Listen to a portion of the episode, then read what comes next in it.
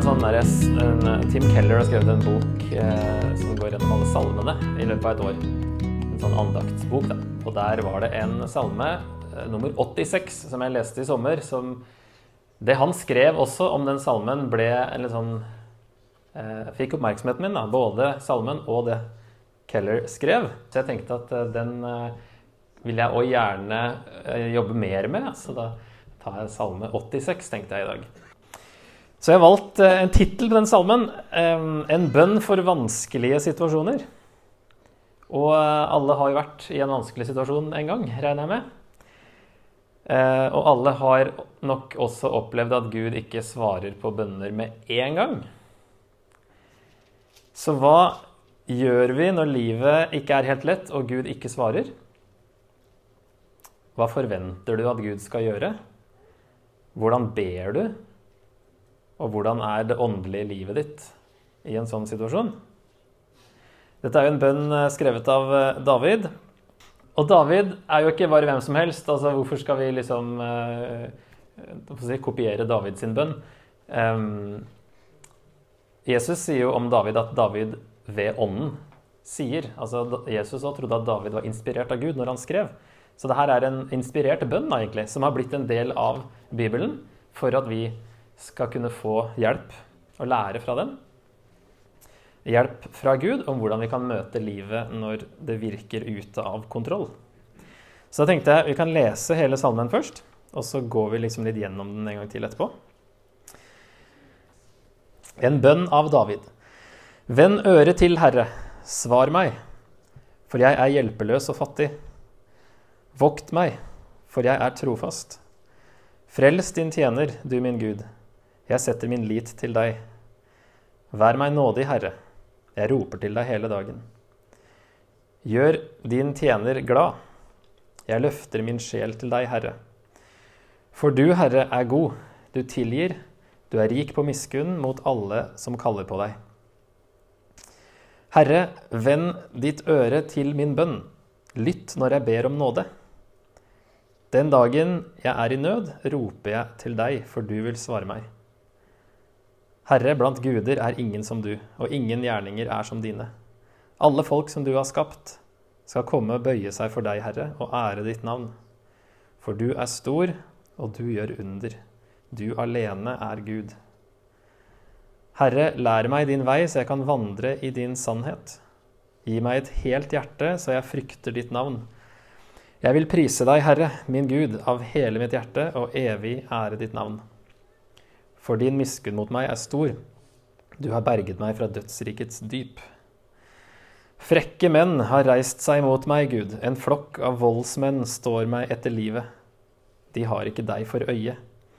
Men du, Herre, er en barmhjertig og nådig Gud, sen til vrede, rik på miskunn og sannhet. Vend deg til meg og vær meg nådig. Gi din tjener kraft fra deg, frels din tjenestekvinnes sønn. Gi meg et tegn som varsler godt, la dem som hater meg, se det og bli til skamme. For du, Herre, hjelper og trøster meg. Så i de første fire versene så finner vi fem bønner og fire begrunnelser.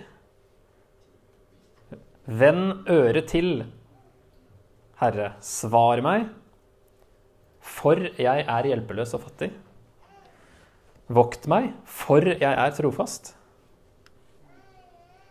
Vær meg nådig, Herre, og der er det også egentlig et 'for', som andre oversettelser har med. For jeg roper til deg hele dagen. Og det samme i vers 4. Gjør din tjener glad, for jeg løfter min sjel til deg, Herre. Så det er fire begrunnelser her. Så han begrunner altså eh, Hør, svar min bønn, for jeg er hjelpeløs og fattig. Kanskje var han på flukt fra Saul, det var han i ganske mange år. Vi vet ikke når han skrev denne salmen, men kanskje han eh, på den måten var hjelpeløs og fattig. Og fattig i Bibelen er jo ofte åndelig fattig. Så han kan òg være konge her og være økonomisk rik, men likevel føle seg hjelpeløs på et eller annet. Han trenger noe fra Gud, så egentlig er fattig og hjelpeløs er egentlig synonymer. Så første grunnen er altså pga. hjelpeløshet. Andre grunnen fordi Altså, for jeg er trofast, sier han. Vokt meg, for jeg er trofast. Han har holdt seg til Gud, han er trofast, og da er det liksom relasjonen deres den andre grunnen til at Gud, han vil at Gud skal svare. Fordi han roper til Gud hele dagen. Det er oppmuntrende at David òg følte at Gud var eh, langt borte. Flere ganger, faktisk. Eh, så her er den tredje grunnen at han holder ut da, i bønn. Og den fjerde grunnen for jeg løfter min sjel til deg. Pga. tillit til at Gud da vil gi ham glede. Så han har forventninger, og han ber de forventningene liksom inn i bønnen.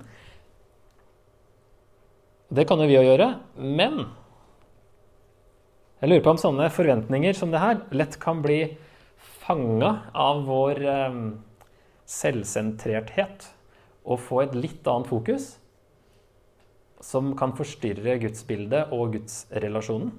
For jeg la hvert fall merke til for min egen del at det var en liten nyanseforskjell i hvordan David ber, og hvordan jeg kanskje underbevisst tenker når jeg ber. Selv om det egentlig høres helt likt ut.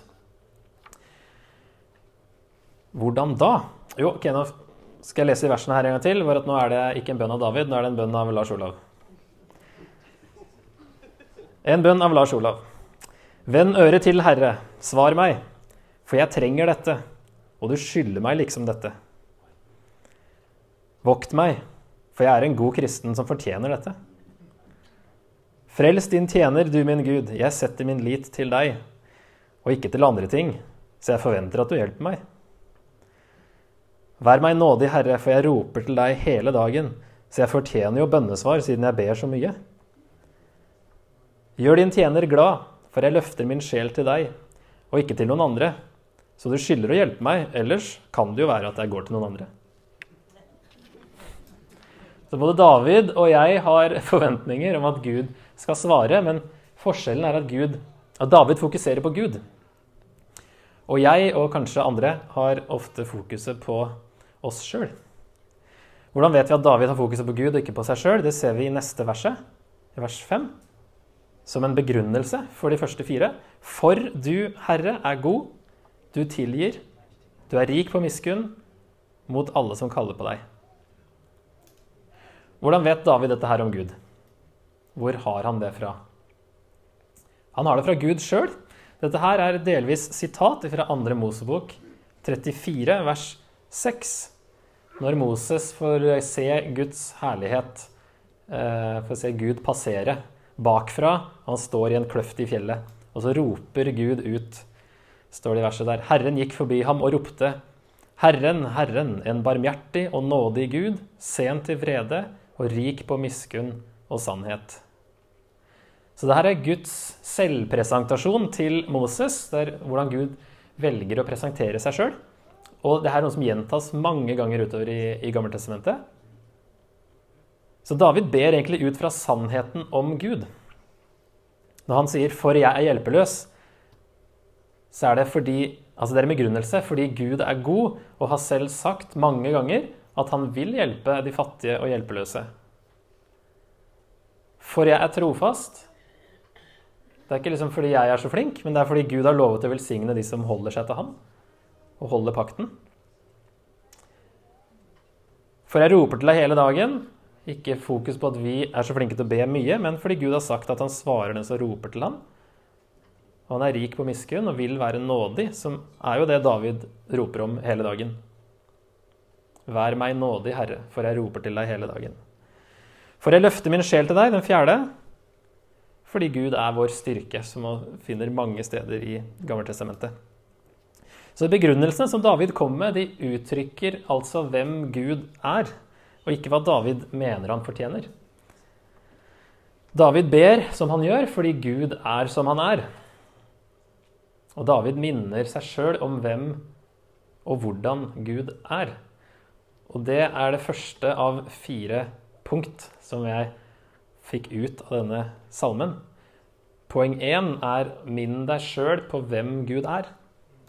Det er også et poeng som Keller hadde, da, så det fikk meg liksom på sporet. David føler seg hjelpeløs. Gud har ikke svart. Så David minner seg sjøl på hvem Gud er. Trener seg sjøl på å huske at Gud har kontrollen. Nå må jeg flette inn Keller, så ikke jeg bare stjeler ting fra han. Han sier også at i forbindelse her, se hvor, mange, se hvor mange av dine vanskeligste følelser, dårlige holdninger og tåpelige handlinger som kommer fra at du på det tidspunktet mister grepet om hvem Gud er. Der tror jeg han er inne på noe veldig viktig. Så det er et lurt tips når vi sliter, det er å fortelle oss sjøl sannheten om Gud. Så ser vi at I salmen her er David mer opptatt av å snakke til Gud om Gud enn å snakke til Gud om seg sjøl. Han snakker til Gud om Gud, og dermed eh, minner han seg sjøl om hvem Gud er. Han gjør heller det enn å snakke til Gud om seg sjøl. Han gjør jo det òg, men mer om Gud. David hadde 2. Mosebok 34, der dette verset står. Han hadde også da skriftene i Gammeltestamentet opp til sin egen tid. Og vi ser at han bruker dem. Og vi er jo så heldige at vi har jo hele Guds selvåpenbaring i Bibelen til å fortelle oss hvem Gud er. Vi har veldig mye som kan hjelpe oss til å huske hvem og hvordan Gud er. En som heter David Mathis, har sagt at når du er i en krise, må du stå imot presset og må dytte Bibelen til side. Når vi kjemper, må vi meditere over og dynke sjelen i Guds eget ord. Så Bibelen er alltid viktig, men den er kanskje ekstra viktig når vi har det vanskelig, og når det er ekstra vanskelig å lese den. En annen eh, kilde til å minne oss eh, sjøl om hvem Gud er, det er, eh, kan være lovsanger som uttrykker bibelske sannheter. Og det eh, opplevde jeg sjøl var veldig eh, bra når jeg var i en sånn Jeg var fortvila og oppgitt. Og jeg merka òg at det krevde litt for mye å involvere meg sjøl i lovsangen. Og synge om hvor mye jeg elska Jesus og sånt. Selv om jeg fortsatt gjorde det, så var det tungt, da. Eh, så da var det godt med sanger som fokuserte bare på Gud og hvem han er. Sånn at jeg kunne få en pause, og at fokus kunne være på rett sted. Og i sånne daler da, så har jo spesielt sanger om Guds trofasthet betydd mye for min del. Og det er jo det samme egentlig som David minner seg sjøl om her. Så hvis fortvilelse og bekymringer kommer når vi liksom mister grepet på hvem Gud er, så er det jo fordi vi stoler mer på oss sjøl eller andre ting enn på Gud. Og da blir vi bekymra. Så David vet at Gud er til å stole på, fordi Gud har selv sagt at han er til å stole på. Og vi glemmer fort, og vi er lettpåvirkelige, kanskje ekstra lettpåvirkelige når det er følelser og vanskelige ting. Og da er det ekstra viktig da, å minne oss sjøl på hva Gud har sagt om seg sjøl. Og når han ber videre, så kan vi kanskje se at det allerede har skjedd en liten endring. I vers 1 så sa han 'Vend øret til, Herre, svar meg'. Men nå i vers 6 og 7 så sier han 'Herre, vend ditt øre til min bønn'. Lytt når jeg ber om nåde. Den dagen jeg er i nød, roper jeg til deg, for du vil svare meg. Så det han ber om i vers 1, 'svar meg', det vet han kommer til å skje i vers 7. Kanskje han har allerede en litt større ro for at Gud vil svare. Og Så fortsetter han med å opphøye Gud og gi han ære for hvem han er. Herre, blant guder er ingen som du, og ingen gjerninger er som dine. Alle folk som du har skapt, skal komme og bøye seg for deg, Herre, og ære ditt navn. For du er stor, og du gjør under. Du alene er Gud. Og hva skjer da samtidig? Jo, han minner seg sjøl om flere sannheter om Gud. Og da er det jo interessant å se hva som følger etter det her òg, for det kommer nok ut av det fokuset som han har på Gud her. Neste verset. Herre, lær meg din vei, så jeg kan vandre i din sannhet. Gi meg et helt hjerte, så jeg frykter ditt navn. Guds vei Lær meg din vei. Guds vei det er jo på en måte det samme som Guds bud. Eh, hvordan leve etter Guds vilje og til hans behag. Og det ber han om selv i vanskeligheter. Så det er poeng to. Be om hjelp til å leve rett. Og det er en utfordring, kanskje, når Gud føles langt borte. Kanskje vi til og med er sint på Gud. Gi meg et eh, helt hjerte det motsatte er jo et delt hjerte. Eh, at vi ser kanskje etter hjelp og løsninger andre steder. Når det ikke ser ut som at Gud vil hjelpe når vi vil at han skal hjelpe. Så David kunne jo holdt seg til å bare be om en løsning på problemene, men ikke bare tar han seg tid til å opphøye Gud og endre fokus, men han òg ber om hjelp til å leve rett og helhjerta. Og Et annet aspekt av dette med Guds veier det ser vi i Salme 103, også skrevet av David. I vers 7 der så står det Han kunngjorde sine veier for Moses, sine gjerninger for Israels folk. Og det er sånn typisk sånn parallellisme, som det heter. At de to setningene sier egentlig det samme. At sine veier er en parallell til sine gjerninger. Sånn at Guds veier inkluderer også Guds gjerninger, Guds måte å handle på. Guds vei å gjøre ting på. Og jeg er i hvert fall interessert i Guds måter å handle på når jeg ikke skjønner hva Gud holder på med. Hvorfor han ikke løser problemene mine med en gang. Så sier jo Gud i Jesaja 55, vers 8 og 9, at eh, for mine tanker er ikke deres tanker. Deres veier er ikke mine veier, sier Herren. Som himmelen er høyt over jorden, slik er mine veier høyt over deres veier, og mine tanker høyt over deres tanker.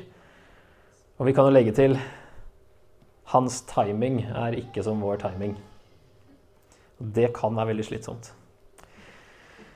Lær meg din vei, sier David, så jeg kan vandre i din sannhet. Det lurer jeg på om han også har fra 2. Mosebok 34, når Gud sier at han er rik på miskunn og sannhet. Gud har åpenbart seg som en som er rik på sannhet, sannheten med stor S. Enda mer i Jesus, som er veien, sannheten og livet. Og som sann og troverdig. Og faktisk så er den første definisjonen av det hebraiske ordet her, er egentlig eh, trofasthet. Som mange engelske oversettelser har i 2. Mosebok 34,6. At Gud er rik på eh, trofasthet. Så sannhet og trofasthet det henger jo sammen. Og hvis vi lærer hvordan Guds vei er, hvordan han handler, kanskje mest av alt at han handler på sin måte og ikke på vår måte. I sin timing og ikke i vår timing, så kan vi Hvis vi klarer å lære det, da, lære Guds måter å gjøre ting på, så kanskje vi klarer å vandre i hans trofasthet. Vandre i din sannhet, vandre i Guds trofasthet. Selv om han ikke hjelper oss akkurat nå, så kan vi vite at han er trofast. Så det er det tredje poenget. Be om å klare å leve i vissheten om at Gud er trofast. David ber om det, og vi kan be om det, og få leve i denne vissheten om at Gud er sann og trofast, selv om vi ikke helt forstår hva han holder på med, hvorfor ting tar så lang tid. Og at når Gud virker fjern, og vi begynner å lure på om han bryr seg, i det hele tatt, så kan vi be om å klare det og leve i den vissheten. Så vi slipper å være så bekymra. Så det er viktig også å be om, ifølge den salmen her. Ikke bare løsningen på problemet. Og så gjør jo Gud noe i oss mens det står på også. I Efeserne 3 så ber Paulus han som virker i oss med sin kraft og kan gjøre uendelig mye mer enn det vi ber om og til og med forstår. Kan Gud gjøre uendelig mye mer? Og selv Jesus står det om i Hebreerne 5, vers 8. Enda han var sønn, lærte han lydighet ved å lide. Og selv Jesus lærte lydighet ved å lide. David, da, som eh, var jo salva til konge som ung gutt, eh, tok kanskje så mye som 15 år før han faktisk ble konge. Og man regner ofte at han var på flukt fra Saul da, i ødemarken i kanskje så mye som ti år. Bodde i huler i stedet for i et eh, palass kunne gjort ting i sin timing, tatt seg til rette. Visste jo at han var salva av, av, Gud, og at Guds ånd hadde gått fra Saul til han, og at han var den som egentlig skulle være konge. Men han gjør ikke det, og vi kan spore en karakterutvikling hos David i Samuelsbøkene, hvor han da lærer å overlate dette Saul-problemet. Overlate det til Gud og stole på at Gud ordner det i sin uh, timing. Så Derfor holder han ut mange slitsomme år mens han venter, og han lærer også tålmodighet. Og det er jo nettopp utålmodighet som gjør at Saul tabber seg ut. Han ventet ikke på Samuel lenge nok. Han utfører en ofring sjøl som han egentlig ikke hadde lov til som konge. Og det er begynnelsen på slutten av hans regjeringstid. Så den store forskjellen mellom Saul og David er at David skjønte at det er Gud som er den egentlige kongen, og at kongen ikke bare kan gjøre som han vil. Som var veldig vanlig. Og det ser ut som han lærte noe om det her i ødemarken, mens Saul aldri skjønte det. Og det her legger grunnlaget for at David blir den beste kongen de hadde, inntil Jesus. Og han ble stamfar til Jesus og peker også fram på Jesus. Så det er noe med det at når vi er i sånn ødemark eller i ørkenen og det er vanskelig, så lærer vi å stole på Gud, og vi lærer å skjerpe fokuset på ham. Så kanskje det viser seg at vi blir mindre selvsentrerte. Eh, eller at Gud blir viktigere enn alt annet, og vi unngår fristelser. Så troen vår blir sterkere, og vi holder ut til enden. Det snakker vi mye om i Nytestamentet òg, at prøvelser er en bra ting. Fordi troen blir sterkere. Selv om det føles ikke sånn ut akkurat når det står på, kanskje. Men det kan òg hjelpe oss til å utvikle en sunnere teologi og et riktigere gudsbilde, hvis det trenger å justeres. Hvis vi tror at Gud er sånn, han skal gjøre sånn, og så gjør han ikke sånn, og så skjønner vi mer av hvem Gud er. Men noen ganger så kan det jo være at Gud ikke ordner noen løsning i det hele tatt. Fordi hans veier er høyere enn våre veier. Og bare han ser hele bildet, bare han har all visdom. Hva gjør vi da? Slutter vi å tro at han elsker oss og bryr seg? Eller at han fins i det hele tatt? Er det bønnesvar som er grunnen til at vi er kristne? Jeg håper ikke det, for det bør ikke være det. Og igjen så gir David oss en modell for en bønn her, da, når han ber videre. Jeg vil prise deg, Herre, min Gud, av hele mitt hjerte, og evig ære ditt navn. For din, for din miskunn mot meg er stor. Du har berget meg fra dødsrikets dyp. Han vil prise Gud, for Gud har allerede redda han. Har allerede vist han stor miskunn og redda han fra døden. Kanskje flere ganger tidligere. Så poenget er at han vil prise Gud for det, uansett hvordan det er nå. Så det er det fjerde punktet. Å gi Gud ære uansett. Uansett hvordan utfallet blir av våre vanskelige situasjoner, så har Gud allerede vist oss stor miskunn ved å redde oss fra en evig død ved Jesu død og oppstandelse. Og det her eh, verset da fra 2. Mosbok 34, i konteksten der, så er det jo eh, Israel er i ørkenen. Det, dette er etter gullkalven, og alt holder på å skjære seg. Ehm, de har, tidligere så har de sett masse mirakler av Gud, både i Egypt og gjennom Sivsjøen. Men de glemte veldig fort hva han hadde gjort, og de glemte hele Gud, som hadde redda dem fra Egypt, selv etter de så, så store mirakler. Og kanskje vi òg har opplevd at Gud har grepet inn før, gjort store ting før, og så lurer vi på om han kommer til å gjøre sånn igjen. Jeg kan ofte tenke slik i hvert fall, at uh, ja, det var før. Jeg er ikke så sikker nå. Uh, hvilken garanti har jeg for at Gud skal hjelpe meg med sånne småting når uh, kristne dør andre steder i verden? Kanskje du tenker at Gud ikke har gjort noe for deg liksom, i det siste. Og lurer på om Gud fortsatt bryr seg om deg. Og da må vi minne oss selv på hva Gud Det siste store han gjorde for oss. Det siste veldig store, det var jo Jesus. Og um, i Romerne 5, vers 7-8, så skriver Paulus der at selv for et rettskaffent menneske vil vel neppe noen gå i døden. Eller kanskje ville noen gjøre det for en som er god. Men Gud viser sin kjærlighet til oss ved at Kristus døde for oss mens vi ennå var syndere. Og Jeg leser faktisk en annen bok av Tim Keller da for tida, om romerne. Og der kom han inn på det her som jeg bare leser litt av det han skriver om de versene her. Det vil kreve mye kjærlighet å dø for å redde en annen. Det er ekstremt sjelden at noen vil dø i en rettskaffen persons sted. Men hvis denne personen også er veldig varm og snill og god, da kan det være. Men selv en veldig kjærlig person ville ikke dø for en ond person. Muligens for en veldig god person, men en ond og dårlig person? Nei. Så her er den ene handlingen som fullstendig beviser at Gud elsker oss. Mens vi var syndere, en del av menneskeheten som gjorde opprør og motsto ham, valgte Kristus ved Faderens vilje å dø for oss.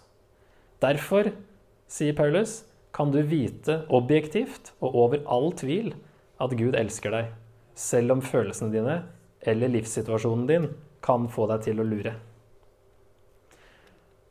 Og så sier han nå, Keller, da, selv om Gud ikke gjør noe mer for noen av oss, så har han i hvert fall gjort dette i det siste.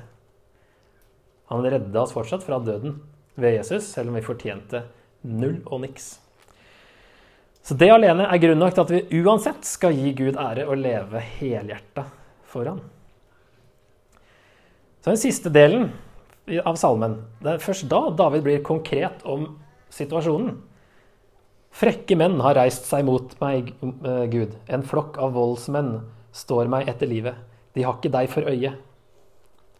Og Så kunne vi kanskje forvente at han nå neste vers skal be om Guds straff over disse onde menneskene. Men i stedet så blir det en overraskende vending. Men du, Herre, er en barmhjertig og nådig Gud, sen til vrede, rik på miskunn og sannhet. Så han igjen snur søkelyset på Gud og hans karakter. Igjen tilbake til hva Gud sa om seg sjøl i 2. Mosebok 34. Nå er det enda tydeligere at det er det verset. Minner seg sjøl igjen om hva Gud har sagt om seg sjøl. Og så går han tilbake til bønnen i begynnelsen. Vend deg til meg og vær meg nådig. Gi din tjener kraft fra deg, frels din tjenestekvinnes sønn. Og det siste verset. Gi meg et tegn som varsler godt. La dem som hater meg, se det og bli til skamme. For du, Herre, hjelper og trøster meg. Så han avslutter med tro på at Gud vil hjelpe og trøste. Ser ikke ut at situasjonen har løst seg ennå, men han vet i hvert fall at Gud hjelper og trøster. Se, jeg er med dere alle dager inntil verdens ende. Han er med oss i alt som skjer. David skriver sjøl i Salme 23, kanskje den aller mest kjente salmen. Om jeg enn skulle vandre i dødsskyggens dal, frykter jeg ikke noe ondt, for du er med meg. Din kjepp og din stav, de trøster meg. Hjelp og trøst. Selv i Salme 91, som er kanskje den salmen som vi får inntrykk av tydeligst sier at Gud vil bevare oss fra alt ondt, at vi ikke skal oppleve noe ondt. Selv der står det i vers 15 Jeg er med ham i nøden. Så Gud vil hjelpe, men kanskje det skjer i form av at han trøster. Kanskje hjelpen vi får, er trøst.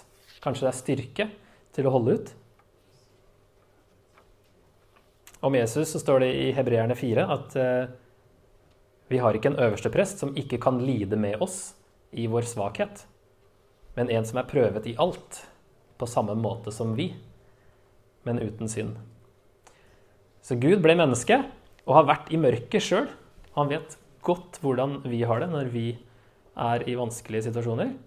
Og ødemarken høres ut som vi er der helt alene, men vi er jo ikke det. Det er ikke helt øde i ødemarken. For Gud er der. Så er det et sitat som jeg vet ikke om noen uh, står inne en som har funnet på det, men det er i hvert fall et sitat som uh, ofte sies, da. At Gud ikke har lovet oss et liv uten vanskeligheter, men han har lovet å være med oss i vanskelighetene. Så det er ikke sikkert du er i en vanskelig situasjon nå, men ganske sikkert kommer du til å være det en dag, tror jeg. Uh, og den salmen her er en modell for bønn i vanskelige situasjoner. Når du føler deg hjelpeløs og livet virker som det er ute av kontroll. Og en salme som kanskje kan være til hjelp når det er vanskelig å be i det hele tatt. Så jeg kan bare gjenta de fire poengene. Nummer én minn deg sjøl på hvem Gud er. For det kan være lett å glemme når det står på. To Be om hjelp til å leve rett, selv om vi kanskje til og med er sinte på Gud. Og nummer tre be om å klare å leve i vissheten om at Gud er trofast. Selv om dette kan se annerledes ut enn du hadde tenkt. Men han vil uansett få deg helt hjem til seg. Det er han i hvert fall trofast på. Og nummer fire gi Gud ære uansett, og vær evig takknemlig for at han allerede har gjort det aller største og gitt deg evig liv ved troen på Jesus.